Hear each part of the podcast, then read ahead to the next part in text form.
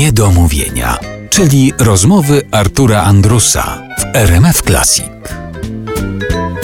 Jeszcze chciałem wrócić w naszej rozmowie w niedomówieniach, których bohaterką dzisiaj jest Dorota Miśkiewicz, do tego wątku niezwykłych miejsc, w których występowałaś. Opowiedziałaś o tym, jak występowałaś w pociągu jadącym z Warszawy do Zakopanego w wagonie Warsu. Jeszcze jakieś takie, już rozmawialiśmy o śpiewaniu pod kołdrą, ale czy jeszcze coś takiego niezwykłego ci się przypomina? E, W moim wykonaniu mi się nie przypomina.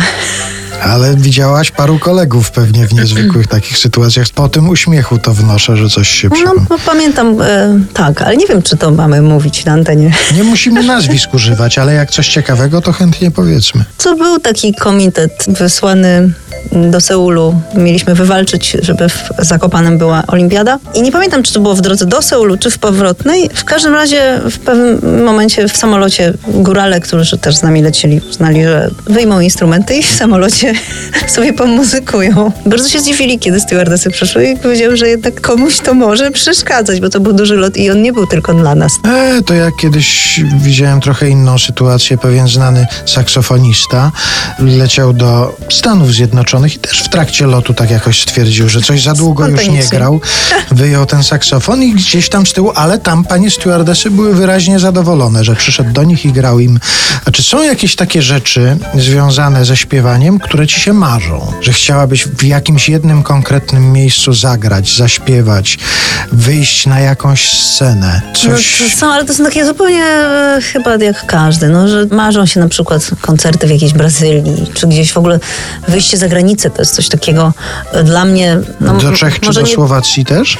Też, tak, Praga. Kiedy się śpiewa po polsku, to to się wydaje takie nieosiągalne, że, że ktoś za granicą będzie chciał tego słuchać. Ale to jest możliwe, to nie jest takie nieosiągalne. To mi się marzy, no nie wiem. Carnegie Hall to już chyba przesadziłam. Ale może właśnie, może w Nowym Jorku. Nie wiem, czy kto, ale żeby ktoś przyszedł, jeszcze to jest ważne, żeby ktoś przyszedł, bo tak sobie po prostu zaśpiewać to nie do końca. Może jeszcze z kim też jakieś są fajne takie osobowości, z którymi można by wystąpić.